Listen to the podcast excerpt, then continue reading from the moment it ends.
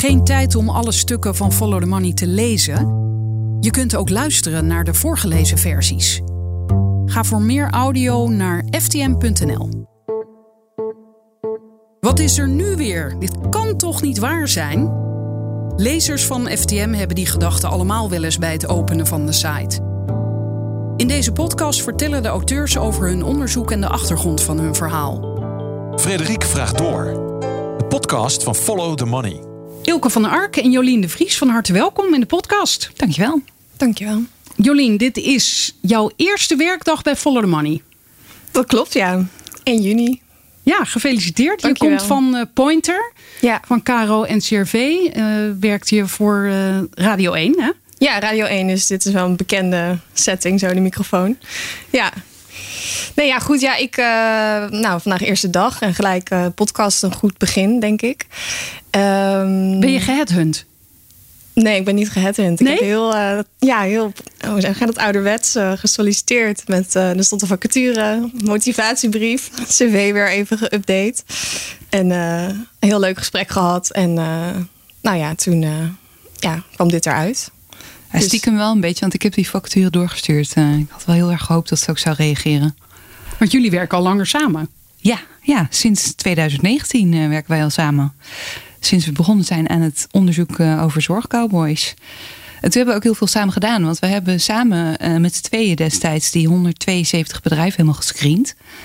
Nou, daar zat flink wat werk in. eh, maar er zijn ook wel eh, ja, flink wat publicaties uit voortgekomen. Want dat ging om zorgbedrijven die opmerkelijk veel winst maken. Ja, dat ging over zorgbedrijven die meer dan 10% eh, winst maakten. En daarvan, eh, nou ja, we hadden een aantal hoogleraren die daarvan ook konden beargumenteren van ja, dit is voor deze soort zorg, is dat echt buitensporig veel. Hey, en eh, ja, Follow the Money gaat toch over geld. Eh, krijg je hier meer betaald of zo dan bij de KRO? Veel meer. Ja, het is echt ongelooflijk wat jullie hier betalen. nou nee, ik heb het natuurlijk niet voor het geld gedaan. Hoewel er netjes, eh, het heel netjes geregeld is. Maar ik, ik bewonder Follow the Money al heel lang. Ik weet nog dat ik... ik, heb of, ja, ik heb geschiedenis gestudeerd. En daarna master journalistiek gedaan. En toen, in 2012, toen eh, was Follow the Money net zo een beetje begonnen. En Toen was het een van die veelbelovende start-ups binnen de journalistiek. Revolutionair, nieuwe ideeën.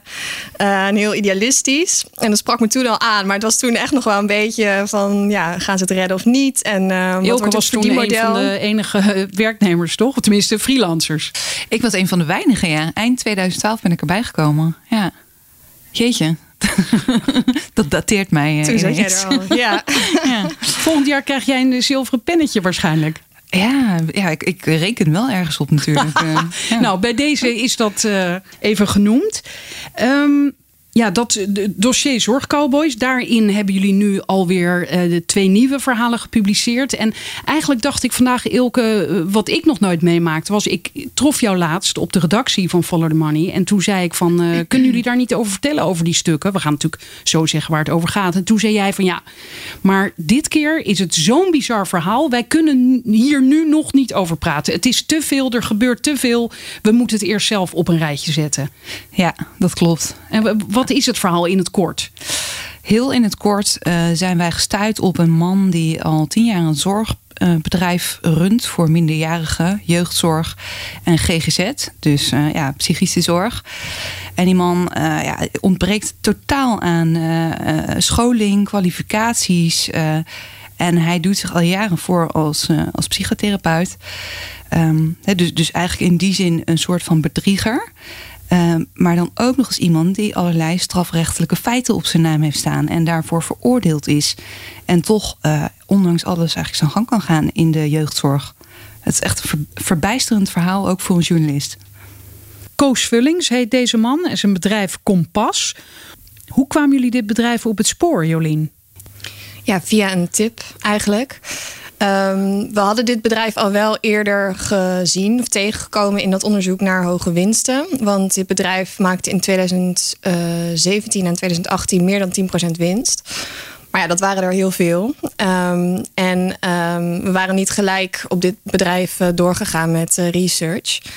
Maar op een gegeven moment kwam er, nou, op beide redacties kwamen er tips binnen. En eh, toen zijn we dat toch op een gegeven moment is gaan nabellen. Want we kregen, het, het waren er een aantal. En we kregen ook declaraties door van iemand die uh, kreeg ergens anders behandeling. Maar die kreeg facturen van dit bedrijf. Dus zij zag ineens een naam staan op een factuur van een zorgorganisatie die ze helemaal niet kende. Maar die wel een jaar lang had gedeclareerd uh, op haar naam. Uh, alsof zij daar dus een cliënt was. Nou, toen zijn we eens gaan rondbellen. En ja, toen vielen we eigenlijk van de ene verbazing in de andere. Want het bleek niet alleen declaraties te zijn waar iets mis mee was, maar ja, Ilke noemde het net al op: de kwaliteit van zorg, uh, strafrechtelijke feiten, onveilige situaties, um, grensoverschrijdend gedrag. Ja, het, het, ene volgt het andere eigenlijk op. En we zitten eigenlijk nog steeds een beetje midden in een, ja, een zoektocht, want we krijgen nog steeds elke dag mails. Elke dag? Elke dag. Ja, zeker nu we net ook weer hebben gepubliceerd ja, eh, eh, de reacties blijven binnenstromen eigenlijk. En ook na het eerste verhaal, uh, nou, ik heb het volgens mij wel in onze nieuwsbrief gezet. Ik, ik heb nog nooit zoveel reacties op een verhaal gehad. Het viel me zelfs op dat onder, de, onder een van de artikelen komen reacties van oud-patiënten slash cliënten. Dat heb ik nog nooit gezien bij Follow the Money. Nee, nee. Nee, en ook niet in, op dit detailniveau, zeg maar. En dat geldt eigenlijk ook voor de tips die we binnenkrijgen. Het, zijn niet zomaar reacties van mensen die hier wel eens tegenaan zijn gelopen. Of zomaar even niet tevreden zijn. Maar het zijn echt allemaal heel gedetailleerde, uh, ja, gedetailleerde verhalen van mensen die daar jaren in behandeling zijn geweest. Of hebben gewerkt. Of uh, op andere manieren betrokken zijn geweest. Ja, echt uh, verbazingwekkend.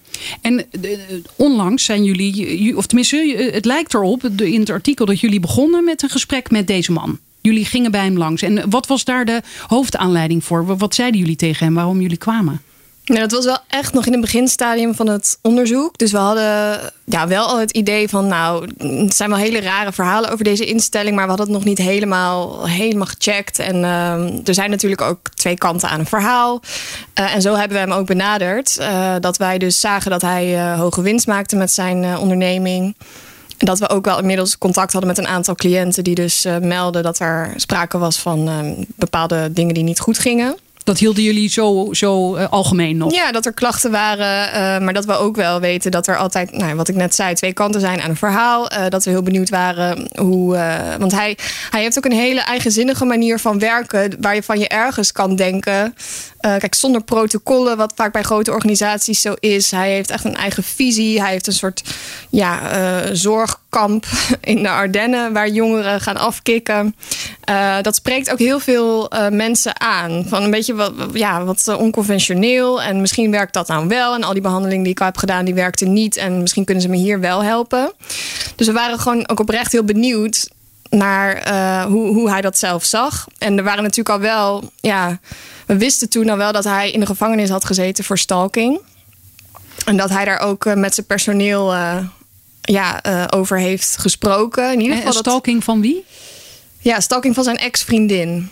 Um, en daar is hij in 2017 eh, voor veroordeeld. En in 2018 heeft hij daarvoor een gevangenisstraf eh, uitgezeten. En dat hadden jullie achterhaald? Dat, dat staat niet ergens open en bloot? Nou, soms wel. In dit geval niet. He, vonnissen eh, van de rechtbank die, die worden normaal gesproken wel eens gepubliceerd. Hè, of niet in alle gevallen. Nou, deze was toevallig niet gepubliceerd. Maar die, toevallig? Of ik denk het niet. Nee, er zijn wel meer vonnissen die niet, uh, die niet per se gepubliceerd worden. Uh, maar we hebben daar navraag over gedaan bij de rechtbank. En die hebben alsnog toen het vonnis gepubliceerd. Maar zijn jullie dan alle rechtbanken afgegaan of zo? Nee, ja, we hadden natuurlijk wel een idee in welke, hè, in, in welke contraien dit delict zich had afgespeeld. Dus dan ben je beperkt tot een paar rechtbanken. Um, ja. Hij komt uit Gelderland, hè? Hij komt uit Gelderland. Dit was dan in Brabant. Ja, dit, was, uh, dit had plaatsgevonden in Brabant. Het was, ja, het was stalking en het was ook nog uh, uh, bedreiging met ernstige mishandeling hmm. van een buurman van oh. die dame. Dus ja, dat is ook wel. De buurman van zijn ex. Ja. ja, van een buurtbewoner. Maar het is wel, tenminste, dat vonnis vond ik het opvallend dat. Um, kijk, hij, hij stalkte zijn ex-vriendin. En um, ja, met stalking dan vindt er, vinden er meerdere gesprekken plaats met de dader. Van ja, je moet het niet doen, je moet ermee stoppen. Een stopgesprek, of ik weet niet precies die terminologie, maar zo, zo heet dat ongeveer. Uh, dus hij was al meerdere keren daarop aangesproken. Het bleef maar doorgaan. Hij had een straatverbod gekregen. Nou, dat wisten die buurtbewoners ook, want die kennen zo iemand die daar dan continu uh, voor de deur staat. Nou, en toen, uh, ja, ondanks dat straatverbod, kwam hij weer in die straat. Uh, en daar sprak iemand hem op aan, een man. En uh, toen uh, trok hij, had hij een lange jas aan en uit de uh, zak van zijn lange jas trok hij een stiletto. Het type stond zelfs nog in het vonnis. Nou ja, en, en, daarvoor is hij dus veroordeeld voor bedreiging met zware mishandeling. Hij, hij zei er volgens mij ook nog iets bij. Of hij, hij keek ook heel, heel ja, beangstig of angstaanjagend volgens, volgens dit slachtoffer. En met al deze informatie gingen jullie dus bij hem op bezoek. Um, waar was dat? Ja, dat was op het uh, kantoor van uh, Kompas in Nijmegen. Um, ja, dan moet ik zeggen dat we hadden toen het vonnis nog niet, maar we wisten al wel zeker dat hij uh, veroordeeld was voor stalking. Beschrijf nog even, um, hoe, hoe kwamen jullie daar aan? Waren jullie echt van harte welkom? Of, of was die al achterdochtig? Of hoe ging dat? Het ging eigenlijk een beetje raar met, met, een afspraak maken voor het uh, gesprek. Want als wij samenwerken uh, dan, en we gaan zo'n gesprek aan, dan. Nou ja, Jolien deed de uitnodiging de deur uit, maar die zet dan mij in de CC en die doet het echt namens ons tweeën. En nou, hij reageerde eerst al helemaal niet op hè, dat, dat Follow the Money er dan ook nog bij betrokken was. Dus hij deed eigenlijk een beetje alsof, alsof hij alleen met Jolien dan een soort van afspraak maakte. En eerst reageerde hij niet en toen toch dan wel.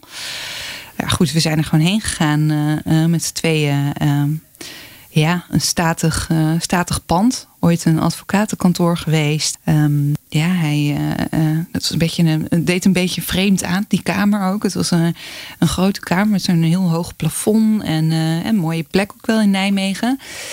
En ja, helemaal wanden uh, vol met boekenkasten, maar die waren helemaal leeg. Er stonden dus oh. echt alleen in een hoekje stonden een paar van die, uh, van die thrillers van uh, ja, echt een beetje van die paperback. ja, ja, het, het, was een heel imposant kantoor.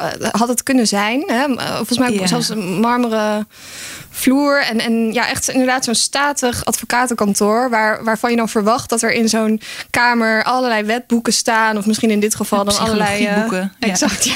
Maar het was nog niet ingericht. Of, of zitten ze daar al heel lang? Ze zitten er al wel een tijdje. Want op, op een Facebook zag je volgens mij, ik weet even het jaartal, maar. 2018 of zo. Ja, ja ze zitten er denk ik al uh, ja, een paar jaar. Dus, en ja. kregen jullie koffie of iets anders? Ja, groene thee. Uh, ja. koffie. Ik kreeg koffie. Er, was een, ik weet dat weet nog, er was een, een grote selectie aan theeën, want er werkten heel veel vrouwen en die houden van thee. Dus, dat zei die. Ja, dat zei die, ja. ja. En, en hoe begon dat gesprek?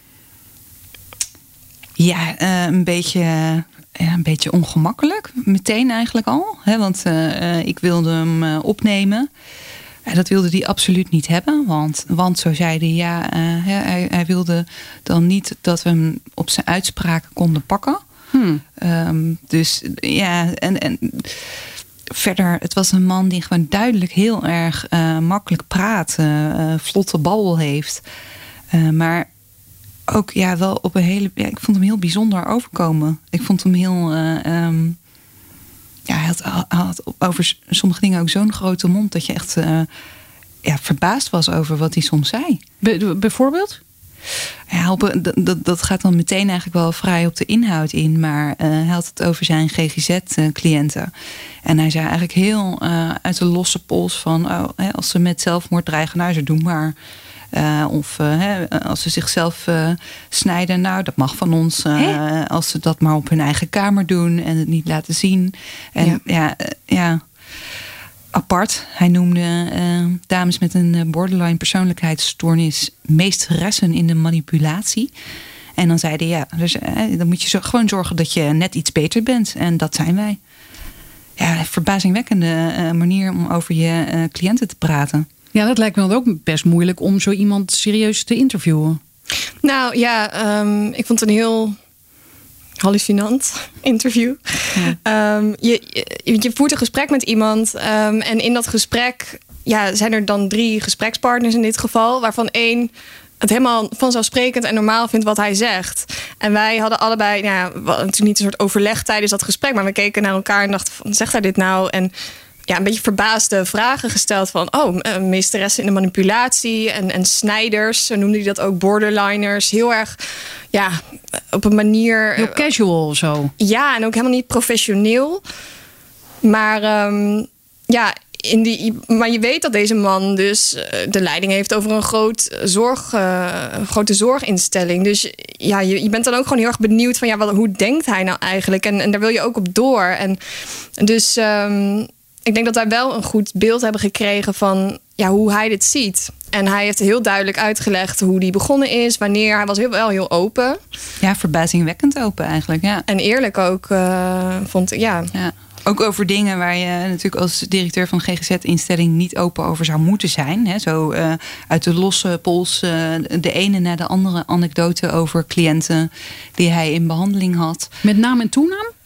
Nee. Niet met naam en toenaam. Nee, maar hij maakte wel, uh, hij maakte wel ook nog uh, redelijk snel bekend dat de persoon die voor ons open had gedaan, dat dat ook een cliënt was. Oh. Ja, mm -hmm. op zich uh, wel opmerkelijk.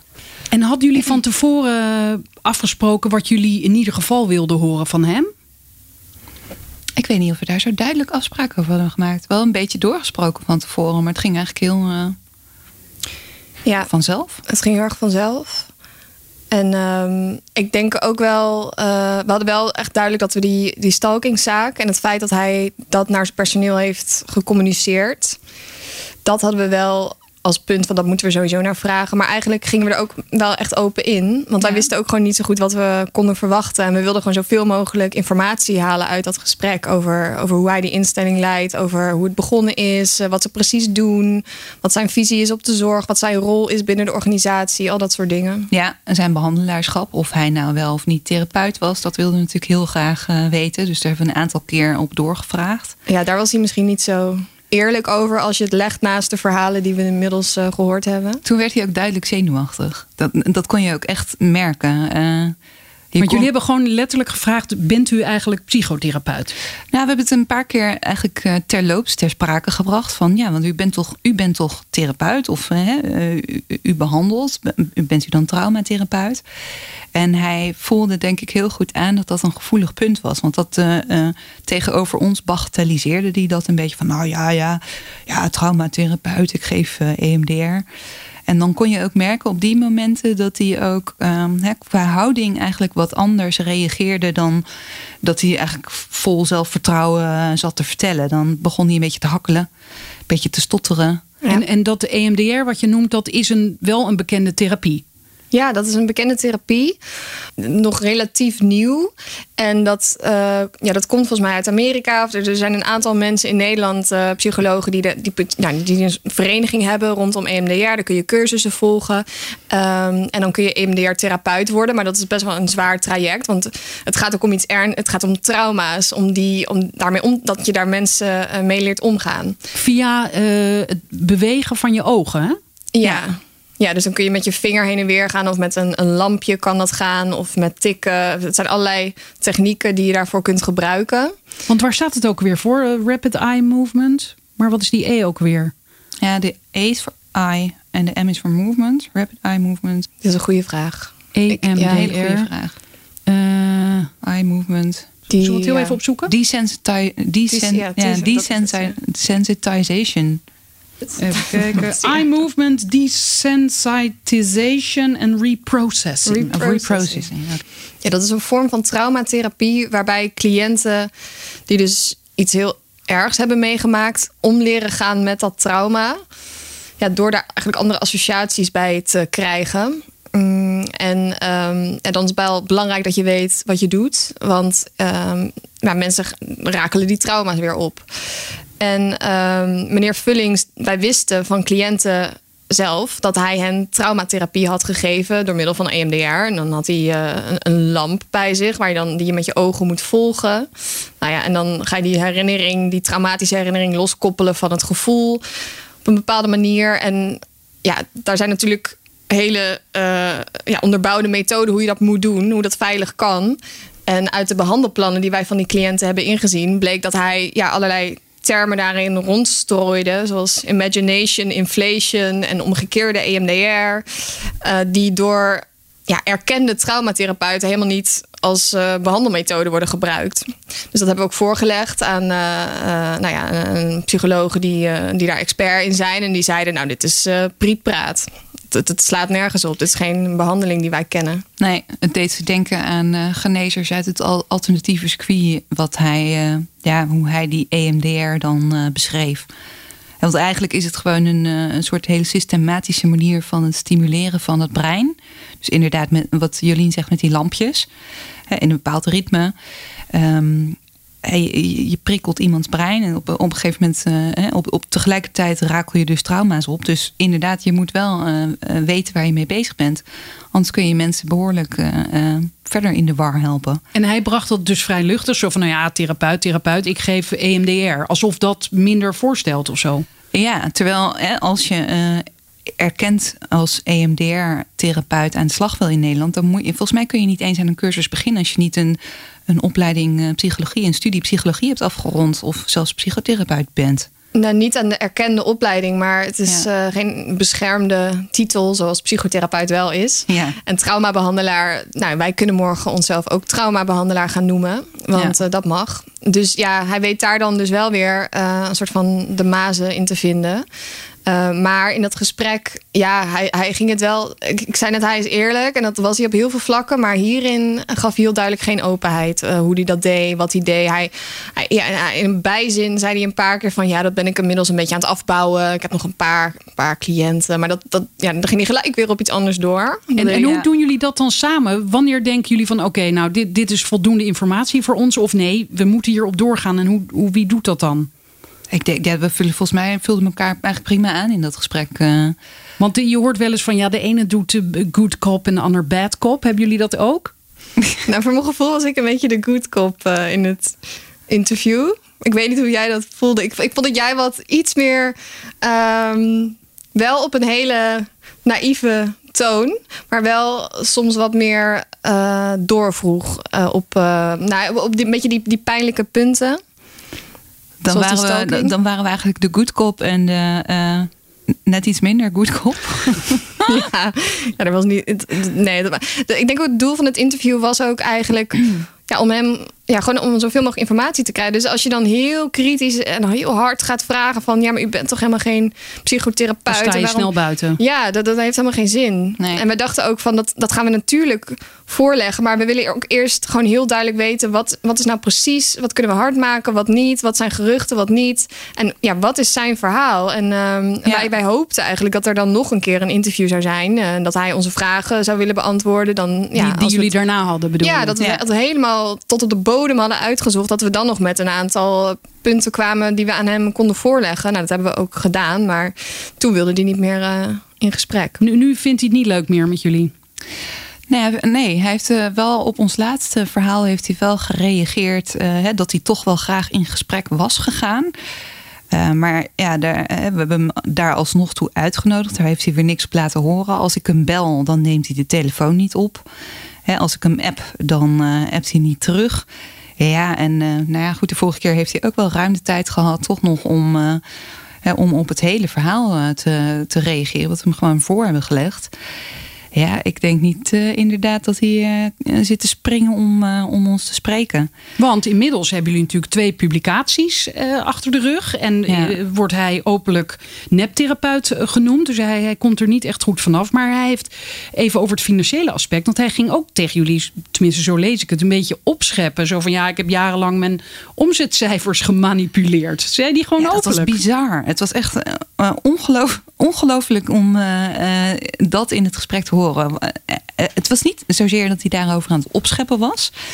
Het was meer dat hij wel aanvoelde. Hè? We zaten daar natuurlijk ook vanwege die hoge winsten. En toen hij daarover begon, hij leek dat juist een beetje te willen uh, bagatelliseren, downplayen. Dus hij begon daarover en hij zei: Ja, maar ik heb daar een verklaring voor. Hè, want um, die omzetten die, die hadden eigenlijk niet zo hoog moeten zijn. Want uh, ik heb meer gedeclareerd eigenlijk dan uh, dat zorgverzekeraars ons betalen. En um, nou ja, dat had ik allemaal moeten afwaarderen. Ja, is een beetje dom dat ik dat niet gedaan heb.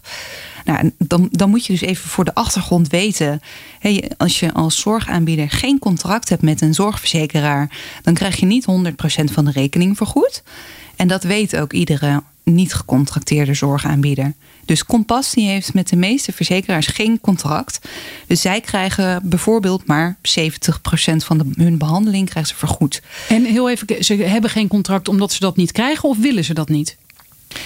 Um, ze, nou ja, hij, hij zei wel dat hij dat uh, ook niet. Ja, hij liet er wel iets over los dat hij dat ook niet altijd wil. Want dan moet je ook voldoen aan natuurlijk de eisen die de zorgverzekeraar stelt. Ja. Um, maar hij, hij, heeft wel een, een, contract met dit zo. Precies. Dus er waren volgens mij twee verzekeraars waar hij dan wel, uh, wel een contract mee had. Ja, ja of één. Of alleen, alleen dit, zo. dit zo hoor. Hm. Maar, maar, goed, daardoor krijgt hij een, een, een groter deel dan misschien andere aanbieders niet vergoed. Precies, en dat weet hij. Um, en wat hij eigenlijk toegaf, uh, uh, zo rechtstreeks tegenover ons, was: nou, ik heb gewoon alles wat ik heb gefactureerd uh, als omzet bijgeschreven. Terwijl ik eigenlijk al weet dat zo'n 30% ervan nooit gaat binnenkomen. He, van, dat, van die zorg die dan door verzekeraars betaald Oh, dus hij deed eigenlijk voorkomen alsof hij minder geld heeft dan het lijkt. Um, nou ja, dat leek de opzet, maar het bleek waar te zijn wat hij zei. Oh. Dus ja, dat is het verbazingwekkende. Ik zie jou ook uh, kijken. Ik dacht ook, wat is dit voor een verhaal? Ik, dus ik zei het ook tegen hem. Wat je eigenlijk zegt, is dat je je omzet dus kunstmatig hoog hebt gehouden. Uh, en toen zei hij ook, ho, ho, stop. Uh, nou, toen moesten we het maar even aan de accountant vragen. Maar hij had eigenlijk toen al genoeg verteld. Meer, of zo. Of toen... Nou, toen, toen merkte hij dat het misschien niet te handig was wat hij Hij had, had niet gezegd. door wie hij tegenover zich had. Namelijk Ilke van Ark. Nou, ja, nou, inderdaad. Ja, ik denk dat hij zelf misschien ook uh, pas toen dacht van... oh, dit klinkt als iets wat niet mag. Maar nee, ja, weet je, het is heel helder. Als jij weet, um, als jij weet dat je 70 euro binnen krijgt van een factuur van 100 euro... maar je laat wel jarenlang op, op, op de post vorderingen in jouw jaarrekening... die 30 euro staan die je niet binnenkrijgt... ja, dan weet je dus dat een deel van de vorderingen die jij op je balans hebt staan... Dat die eigenlijk lucht zijn. Want je hebt er geen recht op. En je wist al dat je het niet ging krijgen.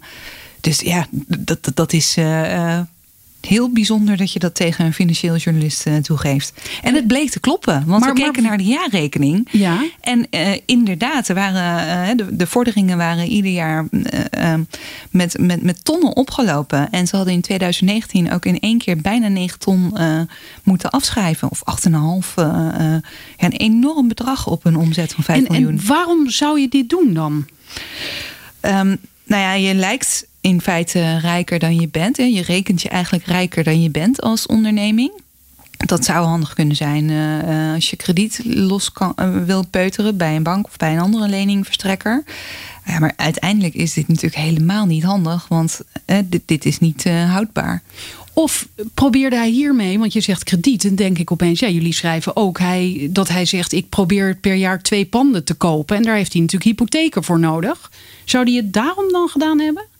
Om kredietwaardiger over te komen voor het aankopen van die panden? Ja, dat blijft speculatie ja. natuurlijk, waarom iemand dat precies doet. Uh, uh, het, het is niet handig, het zou kunnen. Het zou kunnen, maar we hebben ook gezien dat hij niet per se hè, jaar op jaar twee panden heeft uh, gekocht. Oh, dus dat is misschien ook niet waar? Nou, nou ja. misschien in één jaar. Uh, dat hij een keer twee panden ja. heeft gekocht. Uh, het lijkt allemaal, zeker als je hem bekijkt zoals wij dat eerst deden... van die gigantische winsten en een landgoed in de Ardennen... en allerlei panden in uh, regio Nijmegen. Dat statige kantoorpand. Nou, dan denk je van, er zit ontzettend veel geld in. En op zich, hij heeft hoge omzet. Dat, dat, dat klopt dan allemaal wel. Maar als je dan wat, wat dichterbij gaat kijken, dan, dan, ja, dan valt het ook een beetje uit elkaar. En ook al die panden, ja.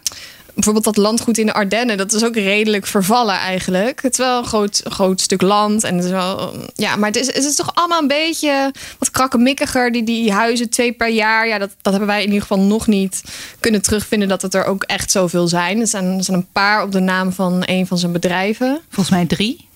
Ja. Drie of vier uh, ja, in, in totaal. Dus nee, dat is niet uh, één à twee per jaar als je over de afgelopen tien jaar rekent. Nee, en, en dus ook als je naar de, uh, naar, naar de boeken kijkt van, uh, of althans de openbare uh, cijfers over die BV's van hem, dan zie je dat er wel wat bezittingen in zitten, maar ook ongelooflijk veel schuld. Een aantal BV's staan echt flink onder water. En dan moet je dus ook maar afwachten wat er met dat kompas, wat die vorderingen eigenlijk waard zijn. Want eh, er staat nu geloof ik iets van anderhalf miljoen en voor de ringen nog open. Als die allemaal niks waard blijken te zijn, ja, dan is dat dus lucht. Heel interessant. Heel interessant. Hoe ja. lang duurde dit gesprek? Want jullie vielen dus van de ene verbazing in de andere. Hoe, Nou, hoe liep dat af? Een uur of drie, denk ik wel. Tegen de drie uur. Ja, En en toen toen zei hij- als zes uur. Het voelde echt heel lang, ja. Alsof we daar een En dag wie zaten. ronde er af? Nou, ik, ik weet nog dat jij op een gegeven moment... Toen zag ik ook wel aan je dat je er echt helemaal doorheen zat. Gewoon te veel. Eh, we hadden volgens mij die, die ochtend ook nog eh, een oud-cliënt eh, gesproken. Dus het, op een gegeven moment mm, ja, neem je ook niks meer op. We hadden ook wel veel al gehad. Ehm, en toen hebben we er een eind aan gebreid. Maar wel op goede voet zijn we toen weggegaan. afgesproken om contact te houden. Ehm, ja, dan zijn we er weggelopen. En eh, Was leuk, volgende keer bij ons. ja. ja. Nou nee, ja, we, Nou. wat we wel graag wilden was eh, eh, nog een keer met andere medewerkers ook praten. En dat had hij toegezegd. Dus ja, dat kun je altijd proberen natuurlijk. Hè. Hij gaf aan dat dat in principe mocht. Ja. En we, hadden- er, er werken daar natuurlijk wel meer mensen. Die hadden wij bijzonder graag gesproken. En nog steeds. Maar ondertussen hebben jullie wel, dat zei je al in het begin, eh, heel veel mailtjes, meldingen binnengekregen. Want inderdaad, het tweede artikel, daar zeggen jullie, we hebben 19 eh, meldingen. Oh nee, dat zijn de meldingen die zijn eh, geregistreerd eigenlijk bij de inspectie. Hè? Want nu komen we natuurlijk bij de vraag van hoe, hoe kon dit zo lang doorgaan? Ja, nou ja, minimaal hè. Want eh, ja, eh, minimaal. Het zijn er eigenlijk wel meer. Want ja. we weten dus... ehm, Inmiddels kijk, van twee gemeenten dat, eh, dat er meerdere, over meerdere over- meldingen zijn gedaan. Klopt, ja. Ja. Nee, dit, dit is eigenlijk... ehm, nou, gemeente Nijmegen heeft sowieso alleen al 11 meldingen gedaan sinds 2018. Eh, ja, dat is dus namens 11 cliënten ook. Hè. Dus dat, dat gaat om, om heel veel... dat, gaat, al- dat gaat al om veel. En dan is er En nog wat, wat gemeente... voor soort meldingen? Ja, dat gaat over ja, de kwaliteit van zorg. Dat, we gaan er niet dieper op in wat dat precies eh, behelst. Maar nou ja, we hebben wel ook cliënten gesproken eh, die weer contact hebben gehad met de gemeente Nijmegen. Nou ja, en dan kunnen we wel een beetje een inschatting maken van wat voor soort verhalen zij ons vertellen. Dat hebben zij ook aan die gemeente verteld. Dus ja, dat zijn ernstige signalen. Ehm, ja, dat EMDR-verhaal bijvoorbeeld. Ehm, ja, eigenlijk, eh, ja, eh, ja, het is eigenlijk. eh, ja, heel breed. En, en als ik bij de inspectie zou werken, zou ik absoluut denken van nou, dit, eh, hier moeten we echt eens naar kijken. En zeker in combinatie met het feit dat hij eh, zich voordoet als psychotherapeut en die stalkingszaak. Ehm, En goed. heel veel slachtoffers maakt, lijkt me. Dat, dat als je als neptherapeut eh, jonge mensen behandelt, ook oude mensen trouwens. Maar wat, wat, wat, eh, die meldingen hebben jullie ook binnengekregen? Van, van, nou ja, ze staan onder het artikel zelfs op de site nu. Van mensen die zeggen: Ik ben bij hem in behandeling geweest of bij Kompas. Ja. En, en wat is er dan met hen gebeurd? Ehm, ja, ja, god. Even kijken hoe we dat kunnen zeggen. Ja, iedereen heeft natuurlijk zijn eigen eh, ervaring eh, met meneer Vullings of met, eh, met Kompas.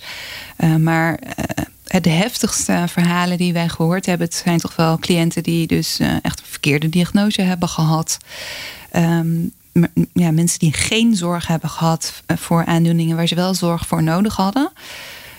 Of sowieso een- geen zorg gehad, terwijl ze dat wel echt heel hard nodig hadden. Maar dus ook verhalen van cliënten die eh, het verkeerde soort behandeling eh, hebben gekregen. En die dus echt slechter eh, uit zijn gekomen bij Kompas. Ehm, Verkeerde behandeling, omdat, omdat er. Hoe, hoe kwam dat dan? Ik bedoel, nou ja, verkeerde diagnose en dan ook een verkeerde eh, behandeling. En dat gaat heel ver. Ehm, wij, wij zijn nog bezig met vervolgverhalen hierover. Eh, maar we hebben toch ook wel begrepen dat er echt ernstige psychiatrische aandoeningen zijn gediagnosticeerd. Waarbij eh, ja, eh, hele zware medicijnen zijn voorgeschreven. En waarbij achteraf blijkt in meerdere gevallen dat cliënten die aandoening niet hadden. Ja, dat is extreem schadelijk natuurlijk. Even los van het leed wat alleen al zo'n verkeerde diagnose ehm, oplevert. Dat, dat stond ook in ons laatste artikel te lezen. Hè. Daar hebben we een eh, emeritus hoogleraar eh, over eh, gesproken. Ja, die was daar ook zeker niet over te spreken, toch Jolien? Nee, zeker. Nee, dat, dat klopt. Ehm, en, we hebben ook nog de navraag bij gedaan voor de Nederlandse Vereniging voor Psychologen.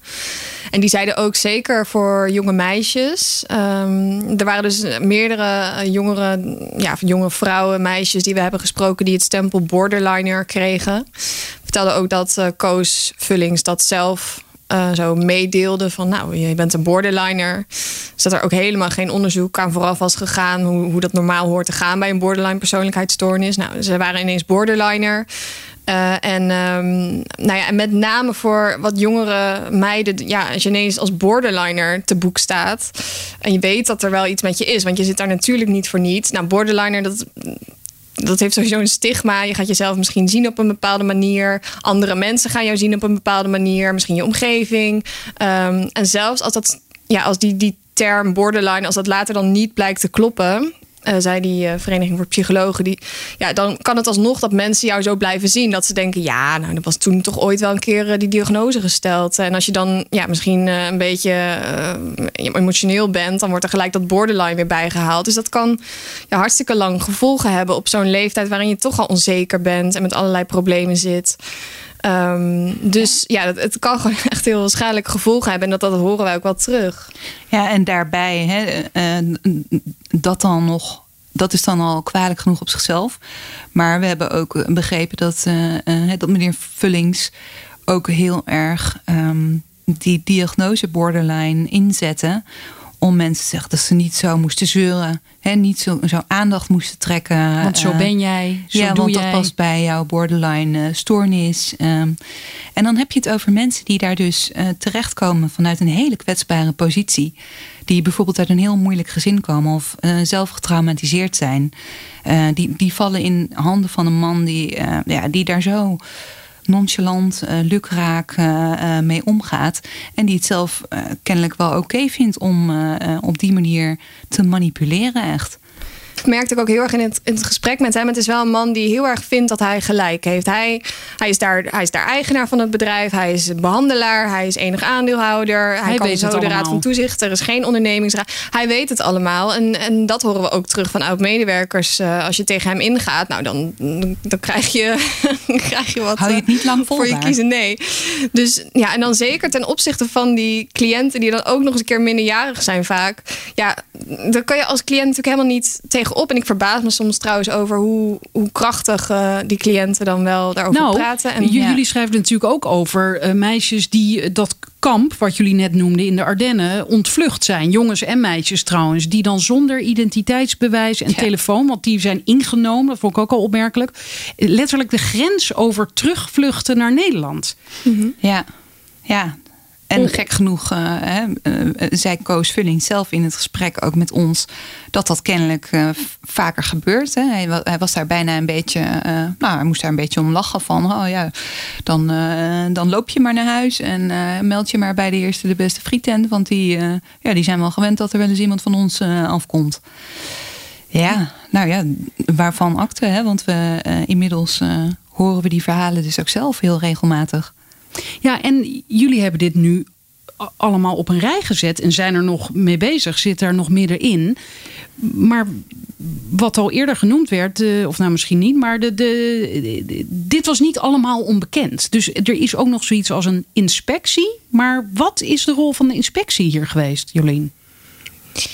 Ja, dat is dus uh, een hele goede vraag. Want wij uh, zouden dat ook wel willen weten. We weten wel dat de inspectie die. Um, er zijn twee toezichtsdocumenten die je dan kan inzien. Eentje daarvan die komt uit 2018. En dat uh, was naar aanleiding van de overname van een transgender kliniek die failliet is gegaan. Uh, en uh, ja, die hebben ze overgenomen. Kompas heeft daar de transgender cliënten van uh, overgenomen. Een deel daarvan. Mensen kunnen natuurlijk ook kiezen of ze dat willen of niet. Maar goed, een, een deel is daar terechtgekomen.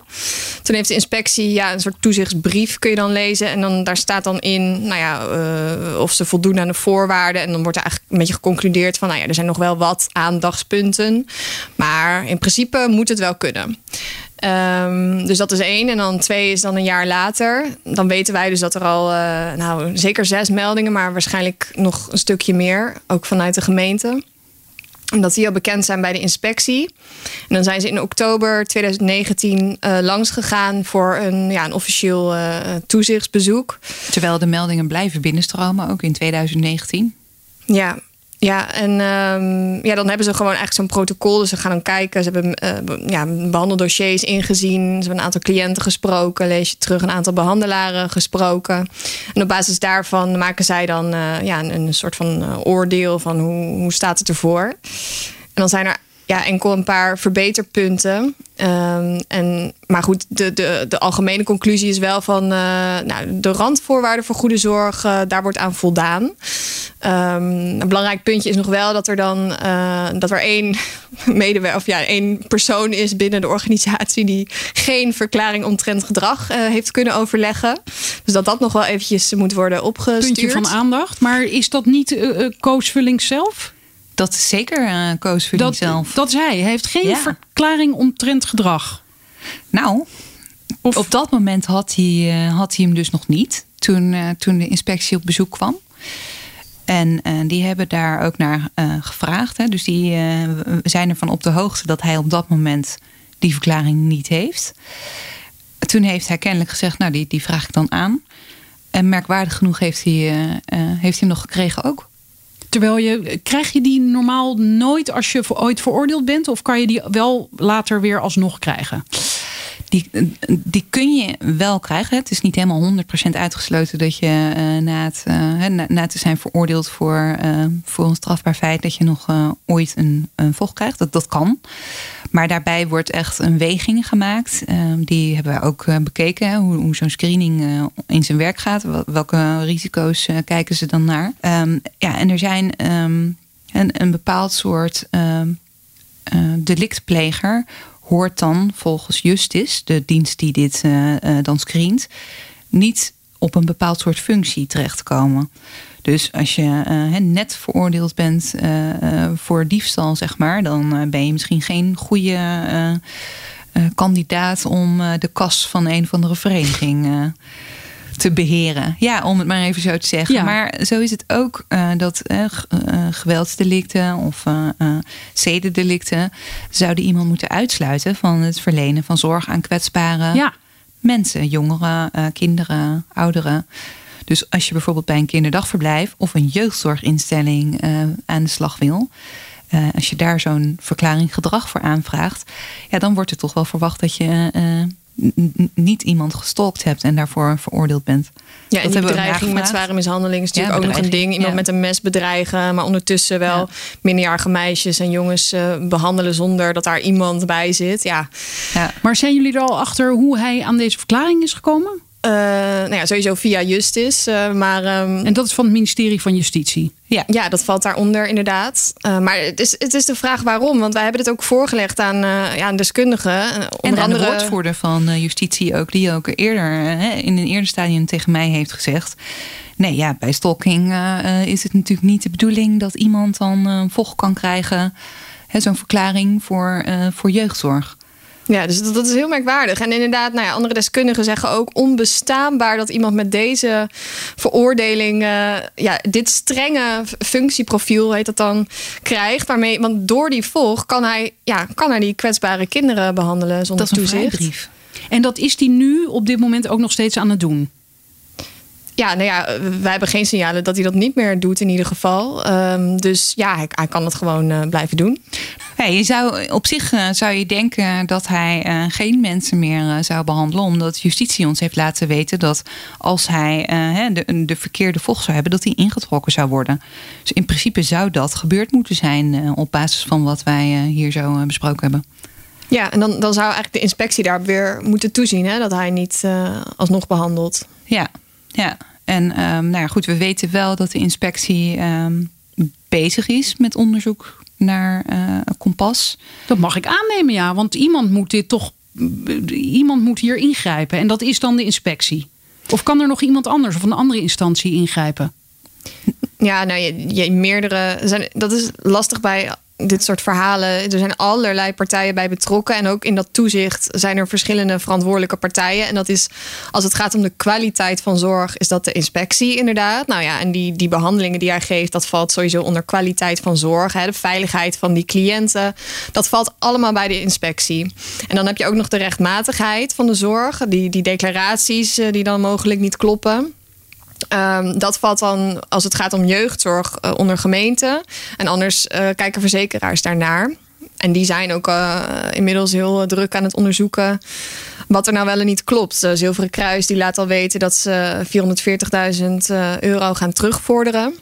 En CZ, die krijgt ook allemaal meldingen van mensen die zeggen: Nou, volgens mij klopt er iets niet met mijn declaratie. Is er veel meer zorg uh, gedeclareerd dan geleverd? Dus zij zijn ook druk uh, bezig om dat uh, te bekijken. Ja, en dan heb je nog de gemeenten die hebben aangegeven dat ze toch ook bezig zijn met het uitzoeken van deze zaak. Dus er zijn er ook meerdere gemeenten die, ja, die hier nu toch nog onderzoek naar doen. Maar zijn alle ouders en cliënten, patiënten op de hoogte van dit verhaal? En kunnen zij dus zelf besluiten om daar bijvoorbeeld weg te gaan of niet? Of, of zijn er nu nog steeds bijvoorbeeld jonge meisjes in behandeling die van niks weten?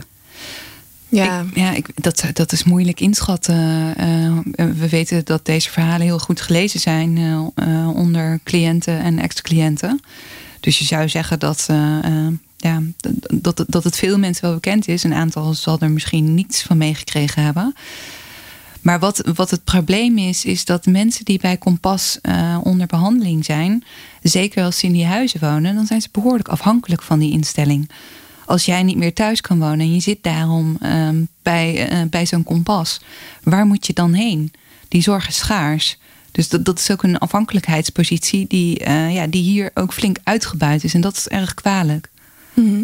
Ja, en wat, wat we ook heel veel horen is hoe mensen daar terechtkomen, is voor een deel dat de wachtlijsten zo lang zijn in de jeugdzorg. En dan inderdaad die, die complexe klachtenbeelden, eh, waarvan heel veel instellingen misschien ook eerlijk zeggen dat dat kunnen wij niet behandelen. Nou, bij Kompas uh, zijn die mensen allemaal welkom.